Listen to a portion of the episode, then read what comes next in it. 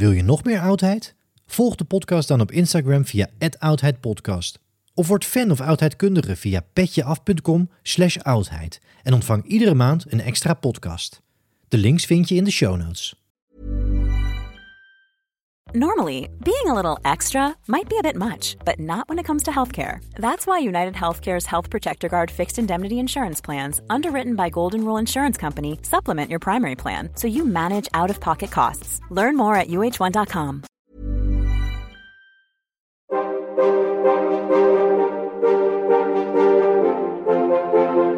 De oudheid is fascinerend.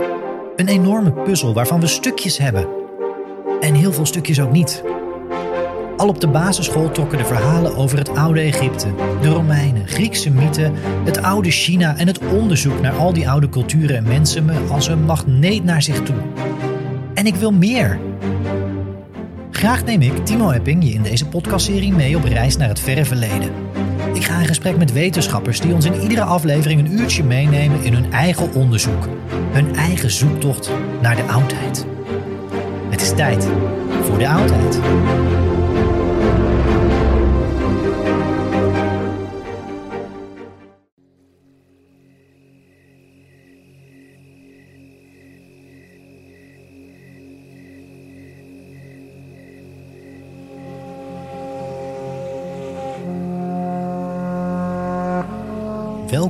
Vierdelige serie Onder de Zon van Amarna.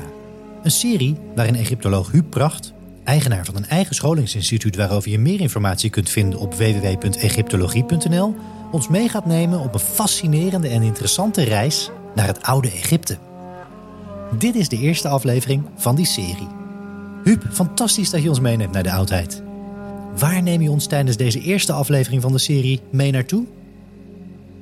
Ja, ik neem je mee naar uh, misschien wel een van de meest interessante periodes uit de Egyptische faraonische geschiedenis. Namelijk de Amarna-periode, genoemd naar een bepaalde vindplaats in Egypte. En die periode die vond plaats in, ik zou willen zeggen, de Gouden Eeuw van Egypte. Uh, die tijd wordt uh, het Nieuwe Rijk genoemd. En dan moet ik daar even bij zeggen: het Nieuwe Rijk is eigenlijk de derde grote bloeiperiode van Egypte. We kennen het Oude Rijk, dat is de periode waarin de grote piramides werden gebouwd. Er is daarnaast het Middenrijk. Ook dat is een periode waarin farao's nog steeds in piramides werden begraven. Alleen die piramides waren uh, vaak wat uh, van mindere kwaliteit. Maar dan komt uh, rond, rond 1550 voor Christus breekt een nieuwe periode aan, het Nieuwe Rijk. En die bestrijkt eigenlijk drie dynastieën. Dynastieën zijn koningshuizen. Het gaat hier om de 18e, 19e en 20e dynastie. Maar aan het eind van die 18e dynastie vindt een hele bijzondere ja, omwenteling plaats voor wat betreft uh, de religie. Uh, de kunst, uh, eigenlijk op alle vlakken van de cultuur zijn er allerlei veranderingen die plaatsvinden. En die periode noemen we de Amarna-periode. En daar gaan we het over hebben. De Amarna-periode. Een fascinerende periode in de geschiedenis van Egypte, waarin Huub ons dus vier delen lang mee zal gaan nemen. Maar Huub, hoe is de studie en het onderzoek naar het oude Egypte, en dan misschien ook wel specifiek deze periode, ooit op jouw pad gekomen? Wel, eigenlijk moeten we dan helemaal terug naar mijn jeugd. In, uh, ik woonde in de jaren zeventig in België. Ik was een, een, jongetje van tien. En um, ik raakte gewoon eigenlijk in één keer geïnteresseerd in het oude Egypte. Eigenlijk door het zien van een aantal mooie plaatjes van het gouden masker van Tutankhamon, de piramides. Nou ja, het is eigenlijk het geëikte verhaal van je gaat spreekbeurten houden op school.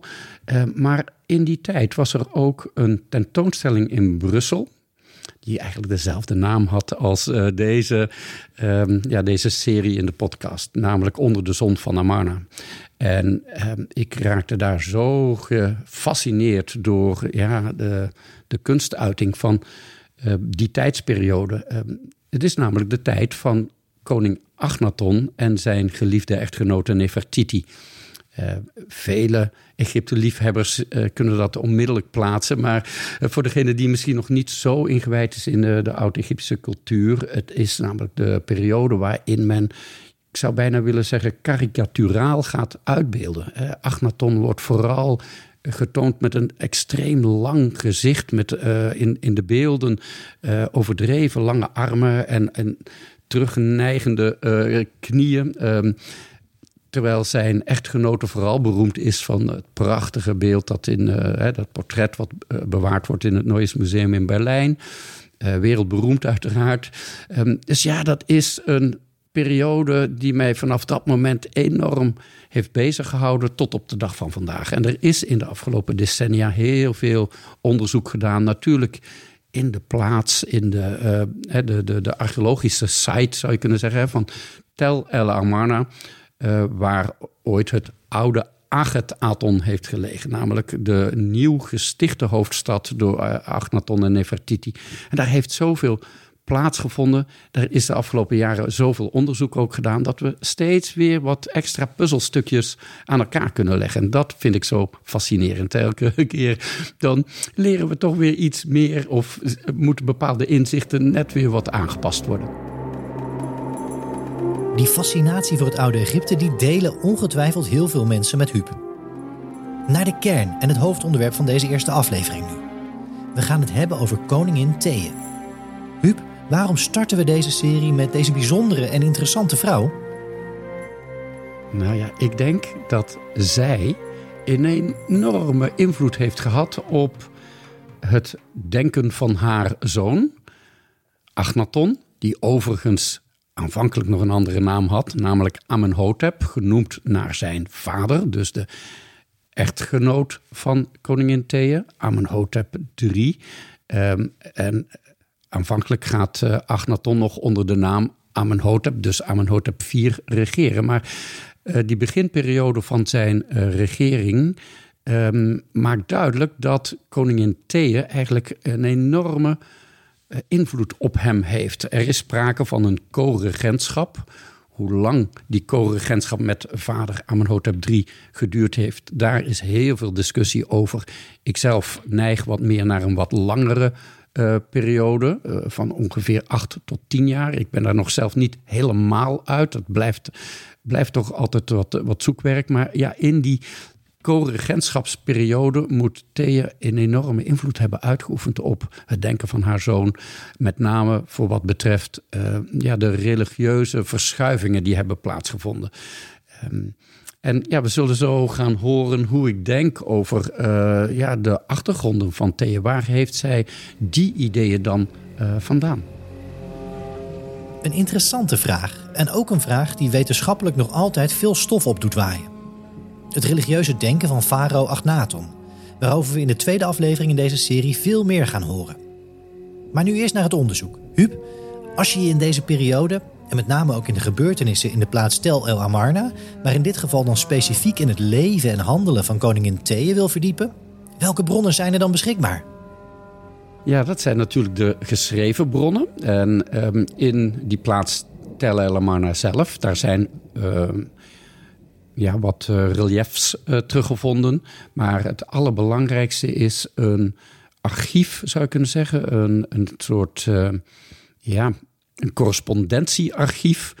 Dat is teruggevonden in, in de stad, uh, waarbij heel veel kleitabletten naar boven zijn gekomen. In spijkerschrift overigens, niet in hieroglyphenschrift, omdat er een correspondentie is gevoerd met verscheidene uh, vazalstaten, zou je kunnen zeggen, van Egypte. Maar ook een belangrijke uh, bondgenoot uh, die we kennen als Mitanni. En dat is het gebied van het huidige Koerdistan. Dus Um, een overlap met uh, het zuidoosten van Turkije, uh, een deel van Irak, een deel van Syrië.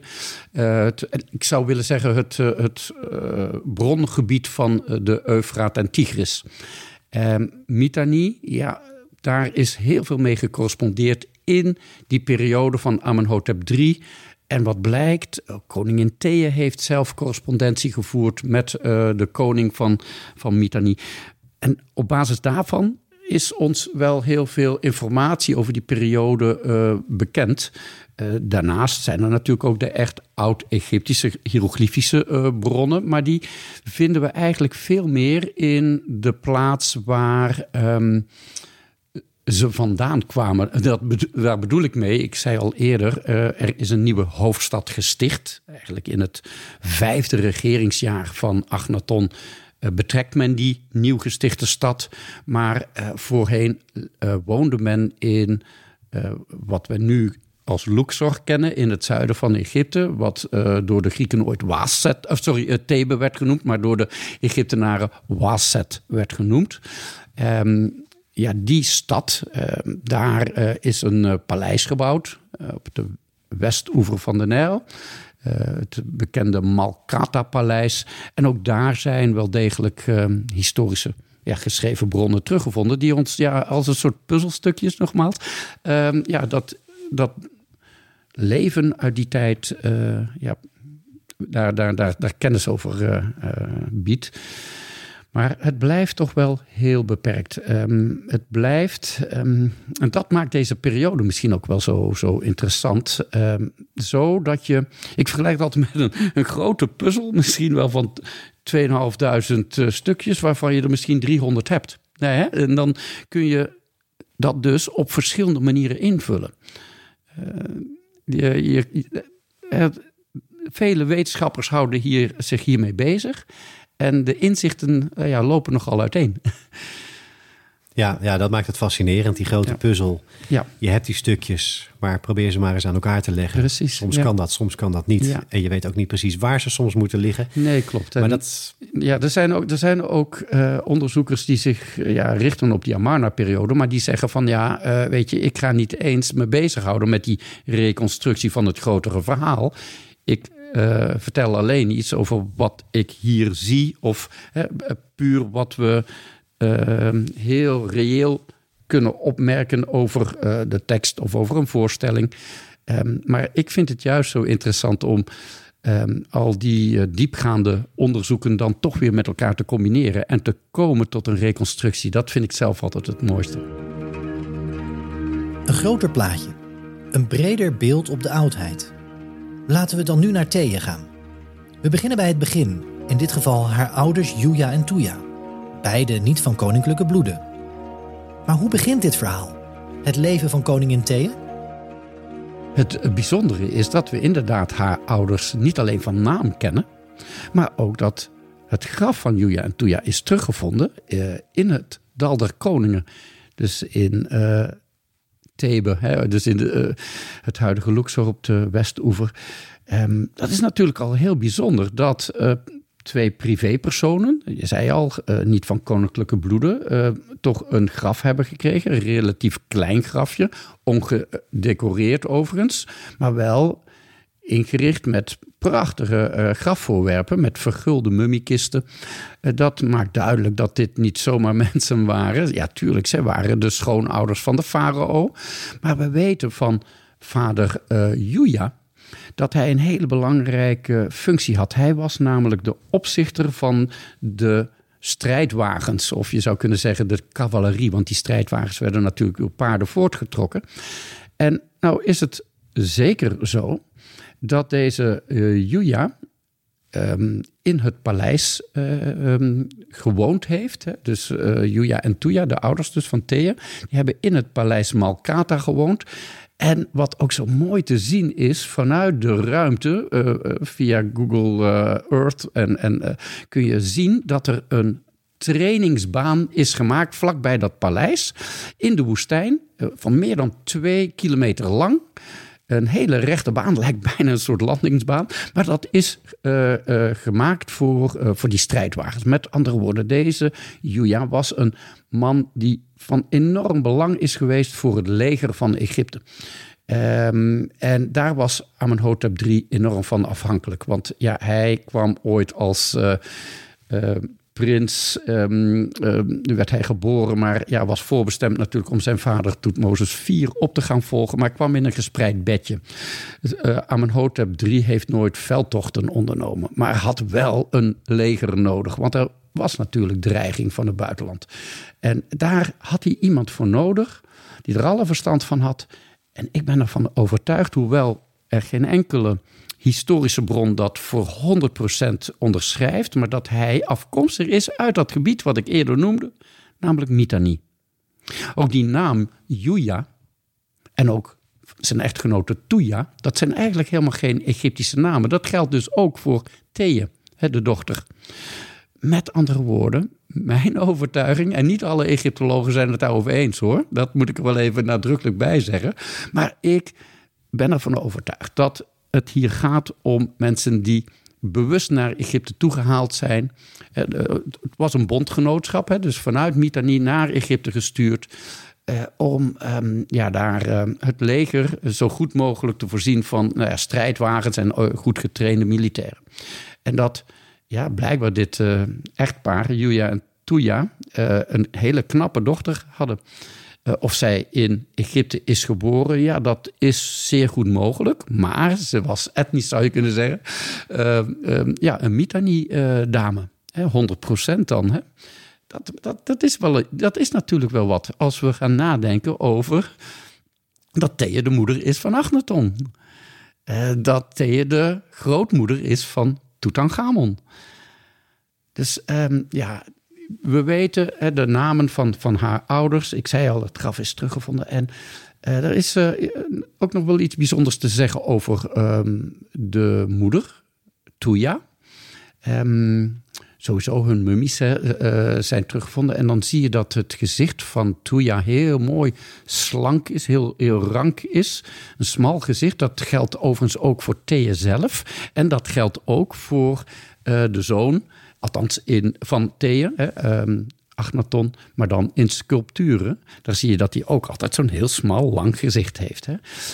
Um, over Tuya nog één ding. Um, zij was een belangrijke uh, priesteres, maar ook een, uh, het hoofd van de harem. En dat klinkt wat apart, dat woordje harem, maar dat is een, uh, een term die gebruikt wordt voor een, ik zou bijna willen zeggen, een economisch instituut van vrouwen die belangrijke posities innemen in de Egyptische samenleving. En ook daar binnen die harem van Amenhotep III zie je heel veel namen van vrouwen waarvan je zou kunnen zeggen, um, of het zijn um, um, Egyptische namen waarin de naam Moed, de godin Moed, verwerkt is, of het zijn namen die weer niet Egyptisch klinken, namelijk Tutu of Yuyu of Miyu.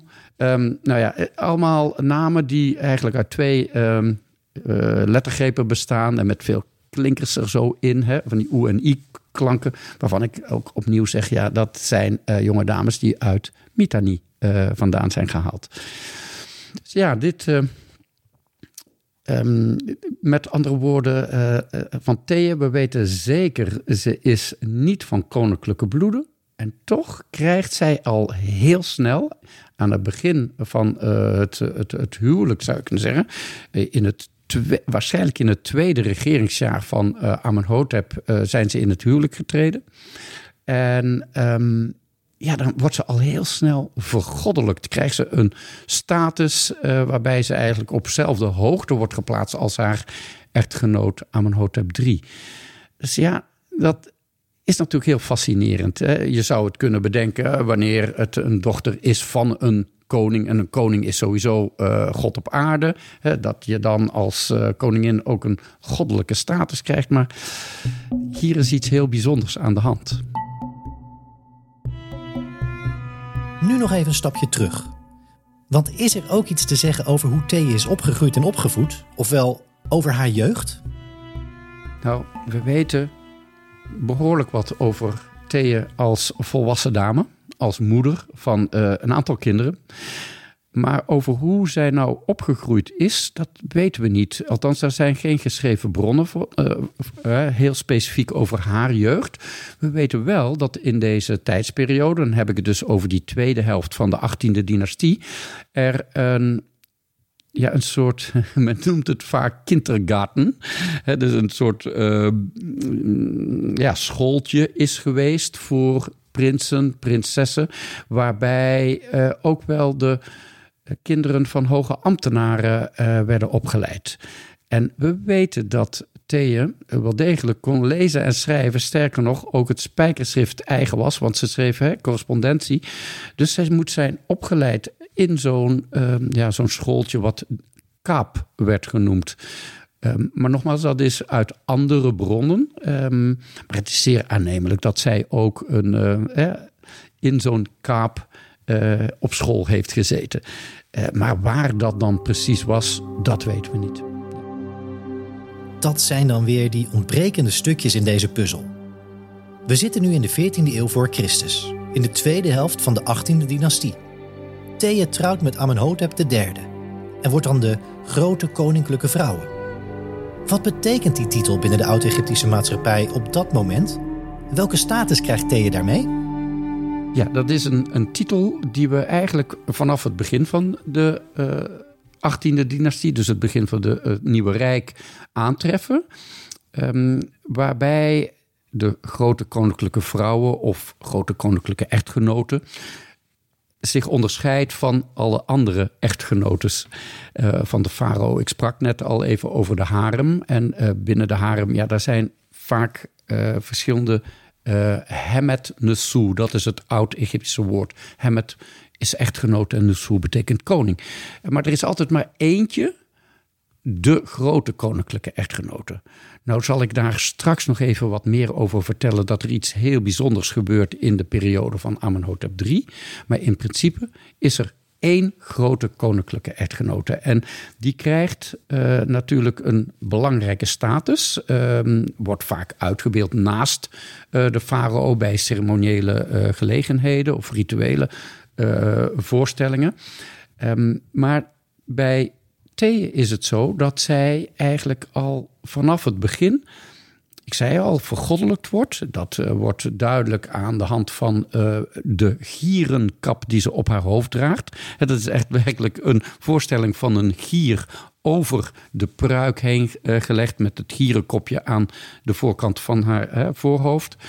Maar daarnaast is het zo dat Thea consequent haar naam in een cartouche wordt geschreven. En dat is ook wel iets heel bijzonders.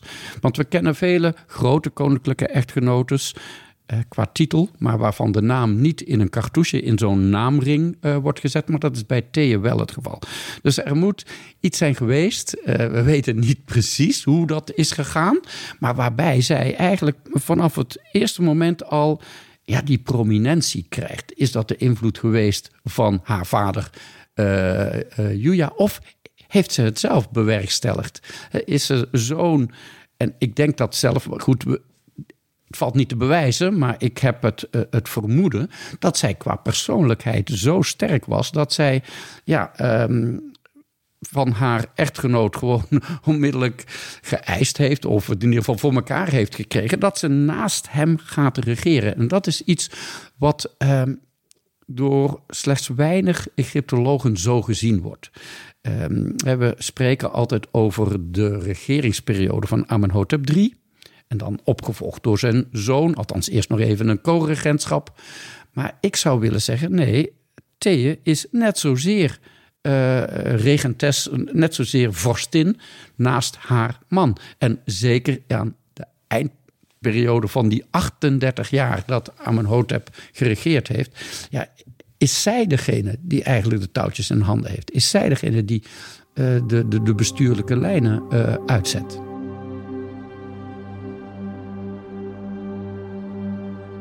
Zoals Huub al aangaf, dat veel Egyptologen daar wellicht anders over zullen denken, we luisteren hier dus naar zijn interpretatie van de bronnen. Van het beschikbare materiaal over deze periode in de oudheid. En die rol van koningin Thea, een prominente rol dus. Huub, baseer je jouw theorie onder andere op de al genoemde correspondentie met andere koningen?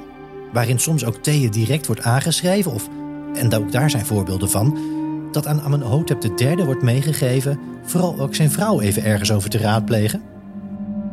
Vooral dat, inderdaad. Hè. Er, eh, er wordt gewoon uh, duidelijk gemaakt. Uh, uh, er is een koning, uh, Tushratta, um, van Mitanni, die op een gegeven moment in een.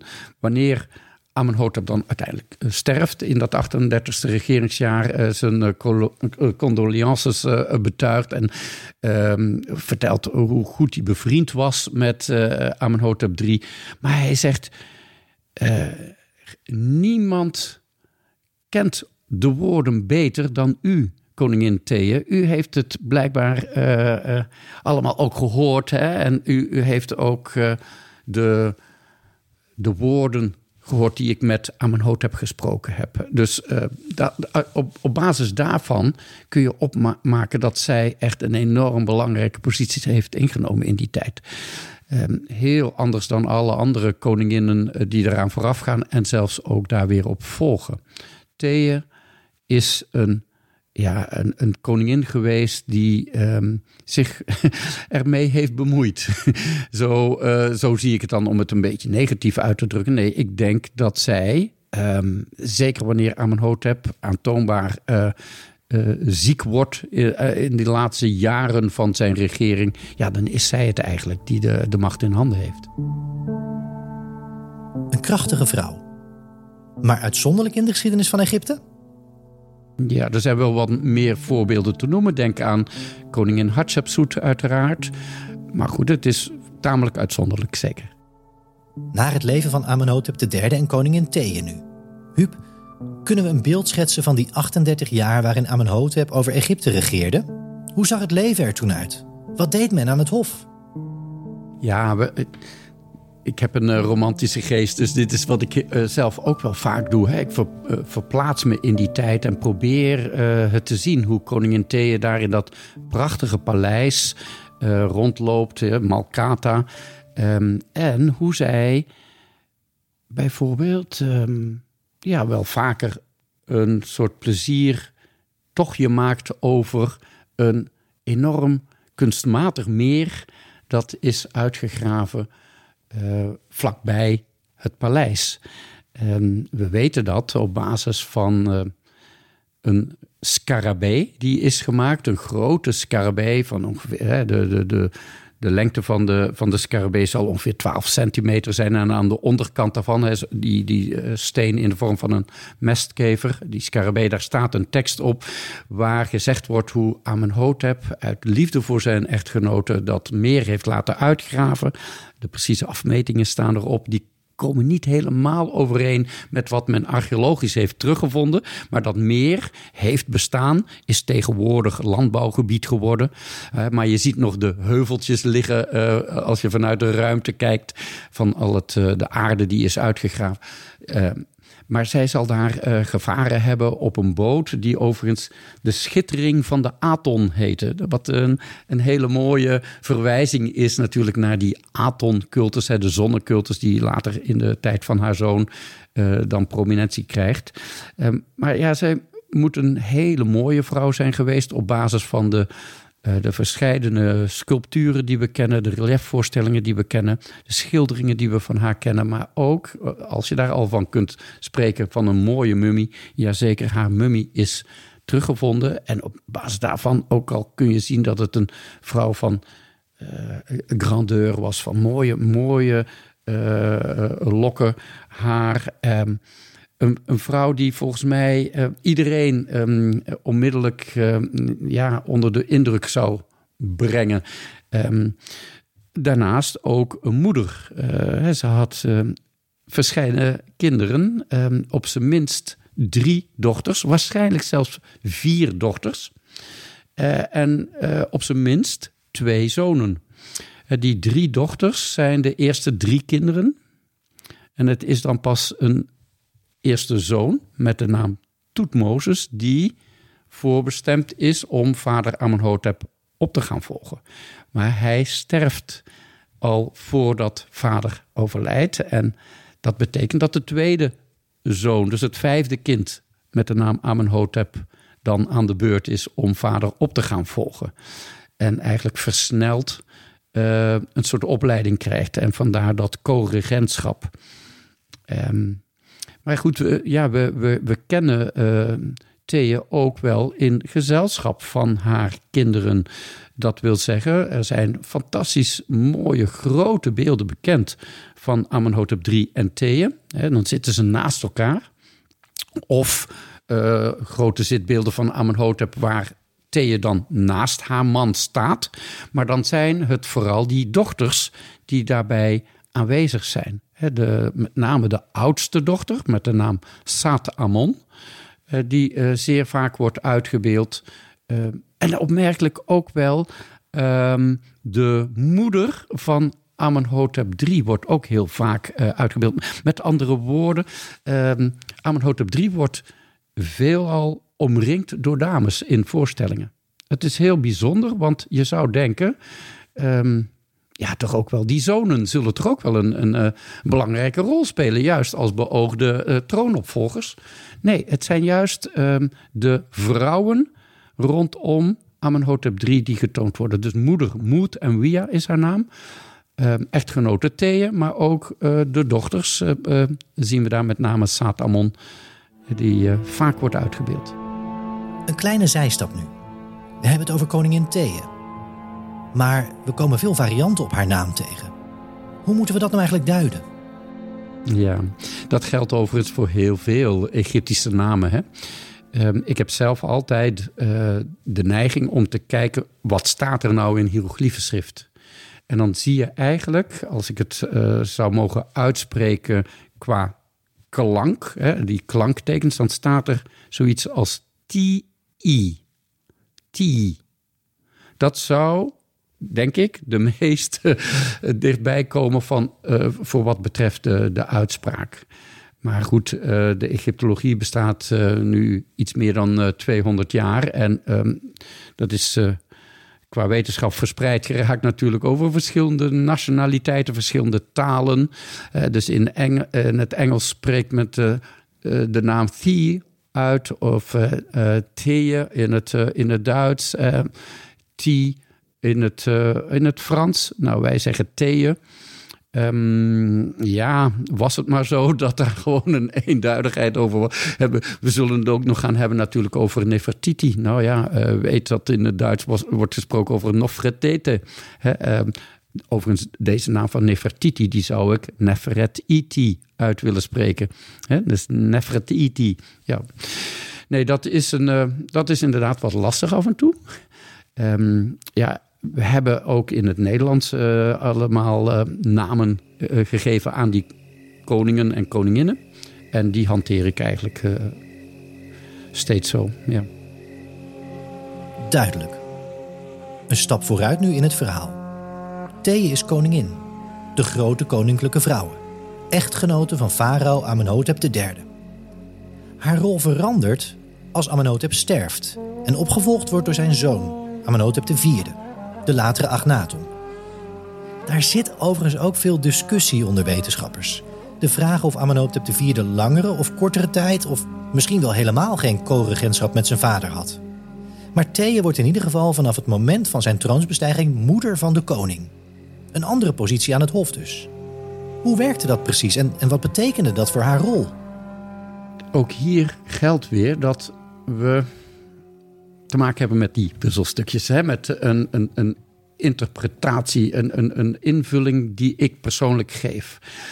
Um, en een ander zal daar misschien anders over denken. Maar ik uh, denk dat uh, Amenhotep IV, de latere Agnaton, als tweede zoon, vijfde kind, um, in zijn jeugd heel dicht bij zijn moeder is uh, gebleven. Uh, dat maak ik op uit het feit dat Thea, wanneer men eenmaal verhuist naar de nieuwe hoofdstad, meegaat naar de nieuwe hoofdstad. En um, het is maar de vraag waar uh, vader Amenhotep III dan is gaat hij ook mee naar de nieuwe stad? Velen zeggen van wel, nou, de aanwijzingen daar uh, zijn eigenlijk dat hij eigenlijk in Thebe achterblijft in het paleis. En uh, ja, daar zit toch wel zo'n zo'n zo'n uh, 400 kilometer tussen beide plekken. Dus het zal toch niet zo zijn dat uh, Thea om de haverklap een beetje heen en weer aan het pendelen is. Dus um, zij kiest klaarblijkelijk toch voor haar zoon. En um, dat zien we op basis van het feit dat er een, uh, een graf is gemaakt voor haar uh, kamerheer. Uh, Huya is zijn naam, dat is graf 1 in Tel El Amarna. En op basis van de voorstellingen in dat graf zien we dat zij, Thea, um, heel vaak in gezelschap is van haar zoon. Hè. Ze zit heerlijk aan de maaltijd. Ehm, overigens is er dan, en dat is wel iets opmerkelijks, uh, ook te zien dat zij nog een vierde dochter heeft. Baket Aton is haar naam. Uh, die naam betekent zoiets als dienares van de Aton. En ja, het is zeer waarschijnlijk toch een dochter verwekt door Amenhotep III. Maar voor de volle 100% zekerheid kan ik dat, durf ik dat toch ook weer niet te zeggen. Ik, ik suggereer nu iets, hè, dat er misschien een andere man uh, de verwekker is. En wie is die andere man dan? Ja, dit klinkt heel gek wat ik nu zeg, maar ik acht het niet geheel uitgesloten dat dat haar eigen zoon Amenhotep IV, dus Achnaton, is. Um, dat is niet gebruikelijk, um, maar ik acht het ook weer niet onmogelijk, gezien het feit, maar daar zullen we op terugkomen, um, Amenhotep, Achnaton dus, uh, een mannelijke troonopvolger wilde en zijn grote koninklijke echtgenote Nefertiti heeft dat nooit kunnen kunnen leveren. In de zin van uh, Nefertiti heeft maar liefst zes dochters gebaard. Maar goed, dat, ik, ik bewandel even een klein zijspoor. Even terug naar die invloed van, uh, van Thea. Um, en uh, dat ze daar gewoond heeft hè, in de stad Agat-Aton. En het is zelfs zo aantoonbaar dat zij ook haar um, rustplaats heeft gekregen. Niet haar laatste rustplaats, maar na overlijden werd zij begraven in het koningsgraf in Tel El Amarna. Dat zegt toch ook wel heel veel. Uh, je zou uh, namelijk denken dat zij begraven zou worden juist in Thebe ofwel in het Dal der Koningen, uh, waar haar ouders al waren bijgezet, of eventueel in het Dal der Koninginnen. Maar um, nee, zij heeft een sarcofaag gekregen in het koningsgraf in uh, Achet Aton, het huidige Tel El Amarna. Een kleine zijstap nu eerst. In de volgende aflevering gaan we uitgebreid in op de Aton-cultus. De cultus die zo sterk verbonden is met Agnaton. Maar met koningin Thea is de godin Hathor heel sterk verbonden. Huub, hoe moeten we dat precies duiden?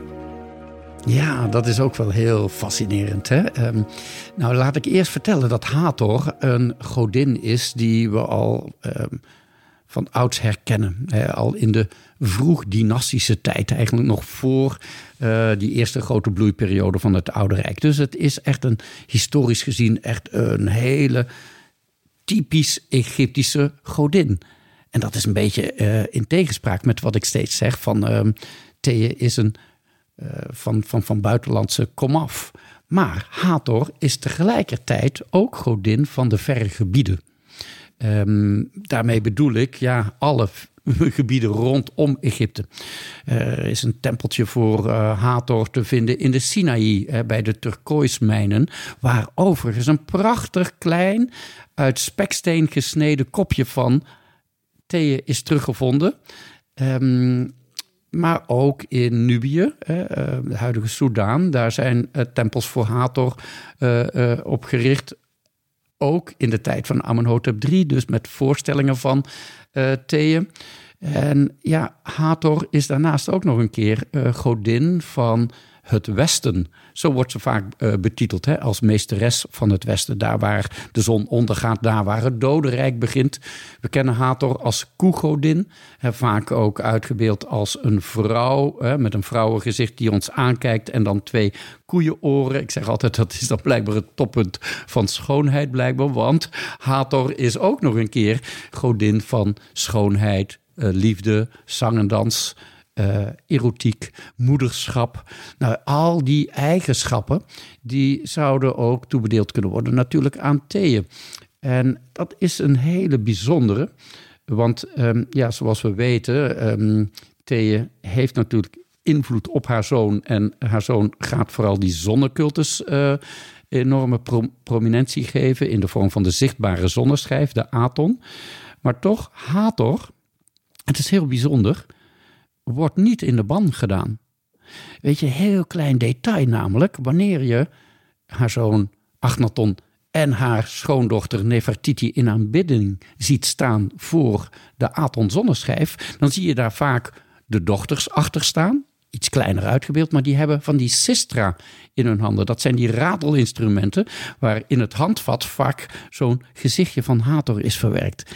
En die zie je gewoon. Dus uh, het idee dat uh, de Aton cultus een monotheïstische uh, geloof is, dat moeten we eigenlijk al gelijk opzij schuiven. Want ja, het portret van Hathor wordt getoond. Met andere woorden, zij blijft, die godin, die blijft toch altijd een rol spelen. Um, en ja, in, in, in combinatie dus met, met de moeder Thea. Ja, ik blijf het uh, ook wel heel, heel bijzonder vinden hoor. Want uh, geen enkele andere koningin is zo nauw geassocieerd met, met de godin Hathor. Dezelfde kroon op het hoofd zelfs. De koeienhorens met daartussen in de zonneschijf geklemd. En bovenop die zonneschijf dan nog weer van die gestileerde struisvogelveren. Moet er wel bij zeggen, diezelfde kroon gaat haar schoondochter Nefertiti ook dragen. Omdat zij ook vergoddelijkt wordt. Dus dat is iets wat wel doorschuift. Ja, zeker. Ja. Zie je daar ook weer wel een rol van koningin T in? Of is dat dan echt, bijna zou je kunnen zeggen, een soort beleidsmatige... Ja, ik denk dat het uh, ja, een rol... Uh, het, het, is in ieder geval... Uh, je zou bijna kunnen zeggen, een, een soort traditie die wordt ingezet. Hè? Want ook eh, de volgende koningin, namelijk de echtgenote van Tutankhamon, draagt dezelfde kroon. Eh, dat is Ankh en Amon. Uh, dus je ziet hier iets uh, gebeuren in de tijd dus van Thea, dat zij als godin die Hathor-kroon gaat dragen, die blijkbaar ook op het hoofd geplaatst wordt van Nefertiti en van uh, Anges en Amon. Ja. Dus dat moet iets dynastieks zijn. Ja, ja.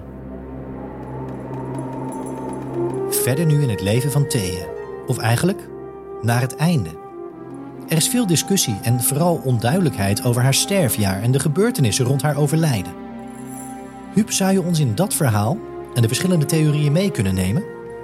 Ja, ja ik zei al, um, ze heeft haar echtgenoot overleefd. Hè? Uh, dus ze is na het 38e uh, eh, regeringsjaar van Amenhotep III overleden. Alleen is het onduidelijk hoeveel jaar ze dan nog doorgeleefd heeft. En misschien zelfs wel doorgeregeerd heeft. Hoewel uh, we natuurlijk te maken hebben dan met Agnaton, die naast uh, zichzelf ook zijn geliefde echtgenote Nefertiti als koningin heeft, wiens naam ook in een cartouche wordt geschreven, in zo'n naamring. Um, dus wat is op dat moment nog de precieze rol van Thea? Ja, ze zal zeker invloed hebben gehad daar in uh, die nieuwe hoofdstad. Maar wanneer sterft ze nou? Ja, ik um, heb het vermoeden dat dat rond het tiende regeringsjaar is geweest van Agnaton. Uh, wanneer men dus vijf jaar inmiddels in die nieuwe stad woont. En um, ja, bij overlijden krijgt zij dus een sarcofaag in de grafkamer van Agnaton, die nog, hè, nog in leven is, dus zegt: ja, laat moeder alvast bijgezet worden in, uh, uh, in mijn graf.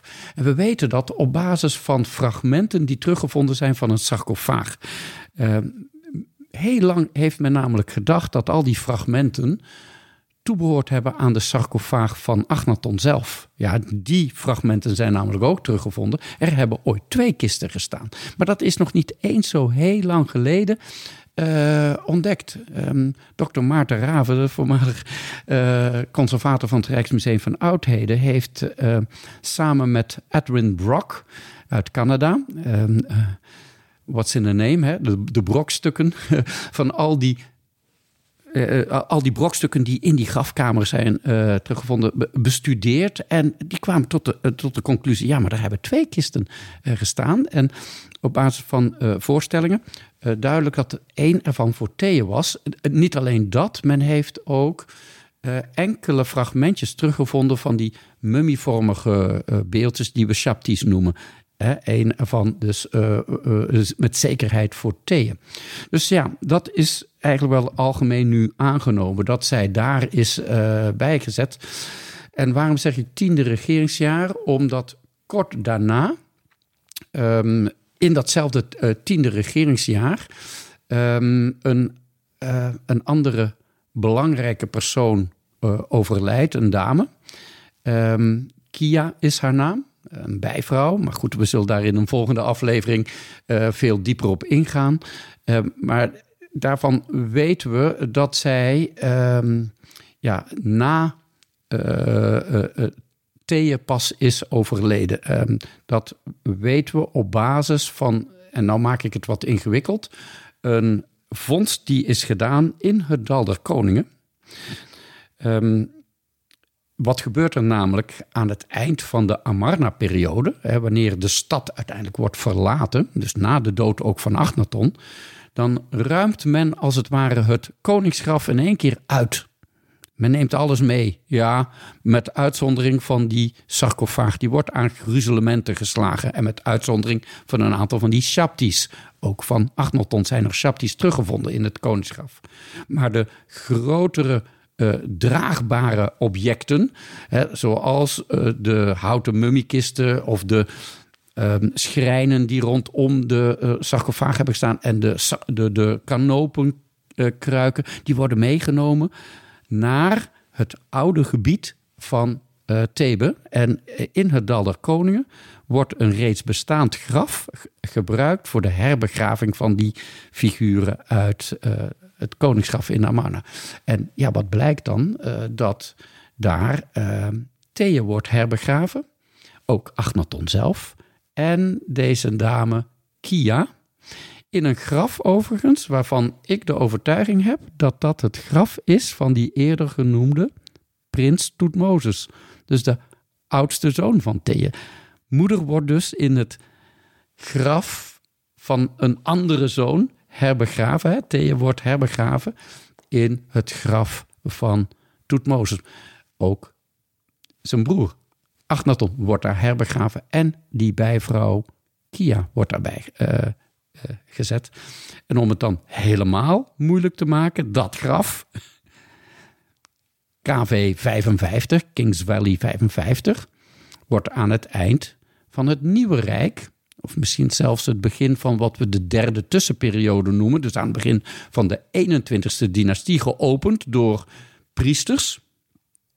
Die zien dat dit het graf is waarin mensen zijn begraven die te maken hebben met die ketterse periode van de Aton-cultus van Achnaton.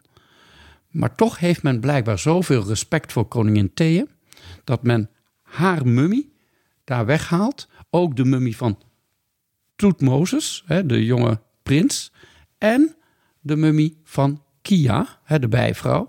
Die drie mummies die worden herbegraven, althans bijgezet in een cachette in het Dal Koningen in KV 35. Ik geef toe, dit is een ingewikkeld verhaal. Maar ja, één mummie laat men achter en dat is die van Agnaton. Um, met andere woorden, ja, dat hele verhaal over uh, de, het, het, het, einde van Theum uh, gaat eigenlijk nog verder na haar dood. Hè. Er gebeurt dus nog een heleboel met haar mummie. Die wordt uit uh, Aton, het huidige Tel El naar Thebe gebracht. Dus naar het Dal der Koningen. En binnen het Dal der Koningen wordt haar mummie nog een keer verplaatst naar een ander graf. En dan pas in, uh, in 1898 ontdekt door Victor Loret in een, in een kleine ruimte. En werd... Um, toen eigenlijk al heel snel, ehm, ja, omdat er geen naam op stond, als de oudere dame uh, betiteld. Um, en, en, en uh, Toet Mozes, in mijn uh, ogen, hè, is dat Toet Mozes, die werd de young boy genoemd, hè, de jonge jongen. En ja, de, uh, de mummie van Kia werd dan de young lady genoemd. Nou ja, over die drie mummies, daar kunnen we in een volgende aflevering nog heel veel over, over praten. Maar goed, het, ja, het, het slot van het, het leven van Thea heel. Um, het moet heel. Uh, ja, heel dynamisch zijn geweest. Hè? Want in die periode gebeurt er natuurlijk een heleboel. Hoe ze aan haar einde is gekomen, weten we niet. Uh, ja, misschien van ouderdom uh, gestorven. Het kan ook zijn dat het ziekte is geweest. Want laat ik dat ook zeggen. Juist rond dat tiende regeringsjaar begint het zo dat er heel veel mensen uh, overlijden in, in die hoofdstad. Um, ook Kia sterft rond die tijd, maar ook nog een aantal andere belangrijke figuren. dus het lijkt er een beetje op dat er een soort epidemie gaande is in, in, in de stad. Dus, maar goed, dat weten we ook niet met zekerheid. Nee, nee, zo is en blijft er veel onzeker. Ook, uh, ja, je noemde het al, de oudere dame. Tot slot, daar is, ja, eh, welke Egyptoloog je tegenover je hebt, hangt heel erg af. Want hier is heel veel speculatie en heel mm. veel discussie vooral ook. Van, is die oudere dame nou Thea? Is het iemand anders? Was het iemand? Wie zijn die lichamen? Ja, DNA-onderzoek komt daar tegenwoordig ook bij.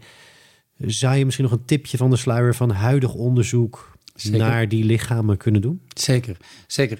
Ja, voor mij is er geen enkele twijfel dat de oudere dame met de mooie, lange, met henna gekleurde uh, haarlokken, dat dat Is. Opnieuw een wat ingewikkeld verhaal, hè, maar ik vertelde net over uh, hoe haar mummie is aangetroffen in een kleine kamer in KV 35 in het Dal Koningen um, door Loret haar mummie is daar hele lange tijd uh, achter. Uh, ja, men heeft die daar gewoon laten liggen. Maar het is wel zo dat in 1922 in het graf van Tutankhamon een ontdekking is gedaan door Howard Carter. Hij kwam een klein, ja, een miniatuur mummiekistje tegen. Drie in elkaar passende mummiekistjes waarvan toen hij de laatste kistje het deksel opende, tot zijn grote verbazing op het deksel de naam van koningin Thea aantrof. En daarin lag een gevlochten haarlok, die dezelfde kleur, dezelfde henna-uitstraling had als van de oudere dame. En dat is in 1975 microscopisch onderzocht en vergeleken met het haar van die mummie. En toen zei men al, ja, dat is een 100% match. Maar ja, microscopisch onderzoek maakt het toch niet 100%. Dus het is eigenlijk pas in 2010 geweest dat men DNA-onderzoek heeft toegepast. Ook op die haarlok uit het graf van Tutankhamon en dus de mummie.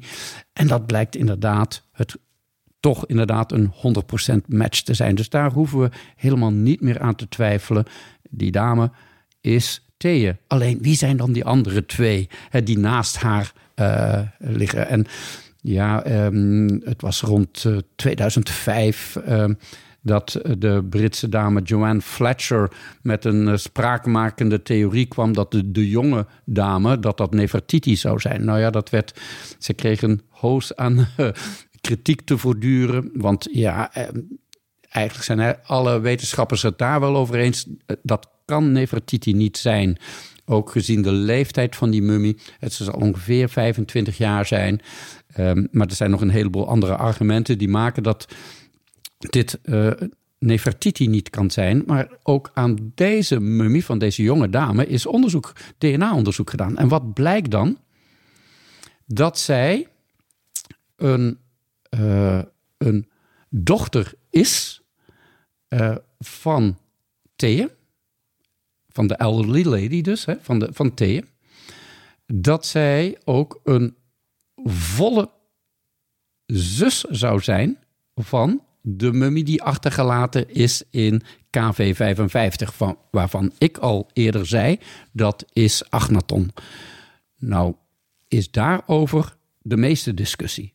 Is die mannelijke mummie die daar achtergelaten is wel Agnaton? Ik zeg ja, maar er zijn er ook een heleboel die zeggen nee, dat is niet zo. Maar nou komt het. Deze young lady, aantoonbaar een dochter dus van Thea, is ook nog eens een keer de moeder van Tutankhamon. Daar zullen we in de volgende afleveringen zeker dieper op ingaan. En dan, ja, tot slot nog even, ja, de, de young boy dan, hè, de jonge uh, jongen die daar uh, ook, ja, er zijn uh, heel veel verschillende theorieën over. Want jammer genoeg is aan die mummie geen onderzoek gedaan, geen DNA-onderzoek gedaan. Waardoor, door bijvoorbeeld de Britse Egyptoloog Eden Dodson, ja, gezegd wordt dat hij eigenlijk de zoon is van, ja, dan gaan we nog een stukje terug in de tijd, Amenhotep II. eerder in de 18e dynastie. En waarom Amenhotep II? Nou ja, omdat uh, KV 35, hè, waar uh, een, een, een kamer is ingericht met die drie mummies, van Amenhotep II is. En dat het dus de zoon van Amenhotep II is die daar uh, lag. Nou, dat, dat denk ik dus niet. Ik denk dat we te maken hebben met juist Toetmozes, de, de, zoon van Thea. Dus een, een broer, de oudere broer van Achnaton. En dus ook de broer van Kia. als we hem kunnen volgen, die, die, de, de jongleden is Kia. Uh, is een volle dochter van Thea, een volle zus dus van Achnaton en van Toetmozes. Ja, over wie hebben we dan?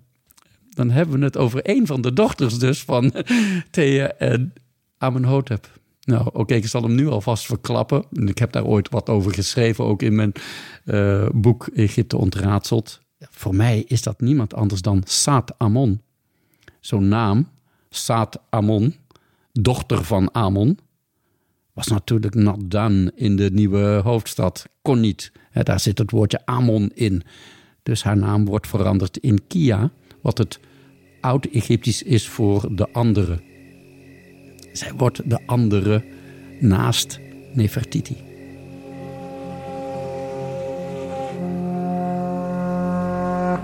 Een fascinerend verhaal. En eens te meer blijkt hoezeer de oudheid die al vaker genoemde enorme puzzel is. Zoals we al bespraken, er is heel veel discussie, controverse zelfs, over deze periode, maar zeker ook over de identiteit van de gemummificeerde lichamen in KV 55 en KV 35. We hebben hier gehoord welke conclusies Huub uit de beschikbare gegevens trekt. Daarin staat hij niet alleen, maar er zijn ook zeker heel veel andere wetenschappers die daar weer andere conclusies uit trekken. Het verhaal van koningin Thea komt hier voor deze aflevering dan wel ten einde, maar is nog lang niet afgesloten. Dit was de eerste aflevering uit de vierdelige serie Onder de Zon van Amarna. In de volgende aflevering duiken we met Huub in het leven van Agnaton en gaan we uitgebreid in op de Aton-cultus.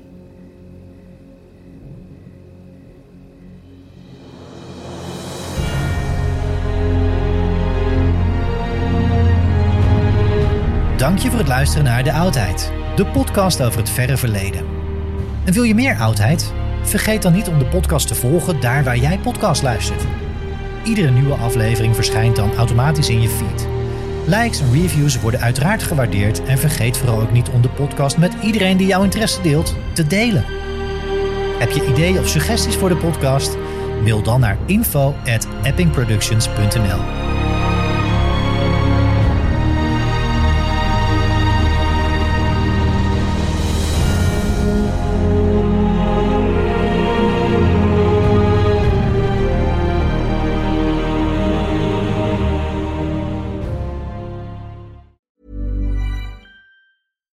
Subtle results, still you, but with fewer lines. Botox Cosmetic, out of botulinum toxin A, is a prescription medicine used to temporarily make moderate to severe frown lines, crow's feet, and forehead lines look better in adults. Effects of Botox Cosmetic may spread hours to weeks after injection, causing serious symptoms. Alert your doctor right away as difficulty swallowing, speaking, breathing, eye problems, or muscle weakness may be a sign of a life threatening condition. Patients with these conditions before injection are at highest risk. Don't receive Botox Cosmetic if you have a skin infection. Side effects may include allergic reactions, injection site pain, headache, eyebrow and eyelid drooping, and eyelid swelling. Allergic reactions can include rash, welts, asthma symptoms, and dizziness. Tell your doctor about medical history, muscle or nerve conditions including ALS or Lou Gehrig's disease, myasthenia gravis, or Lambert-Eaton syndrome and medications, including botulinum toxins, as these may increase the risk of serious side effects. For full safety information, visit BotoxCosmetic.com or call 877-351-0300. See for yourself at BotoxCosmetic.com. Confidence starts with loving who you are. And when your skin feels nourished and glows on the outside, you naturally radiate confidence from the inside. Give your skin a glow up with Osea's clinically proven Mega Moisture Duo. This ultra hydrating body care features two of Osea's best sellers, Undaria Algae Body Oil and Undaria Collagen Body Lotion. These seaweed powered heroes use skincare level ingredients normally reserved for your face for results you can see and confidence you can feel. Osea has been making clean, clinically proven seaweed infused face and body care products for over 28 years. This luxurious skincare is vegan, cruelty free, and climate neutral certified, so you never have to choose between your values and your best skin. Glow from the inside out. Get 10% off your first order with code GLOW at OseaMalibu.com. That's O S E A Malibu.com code GLOW.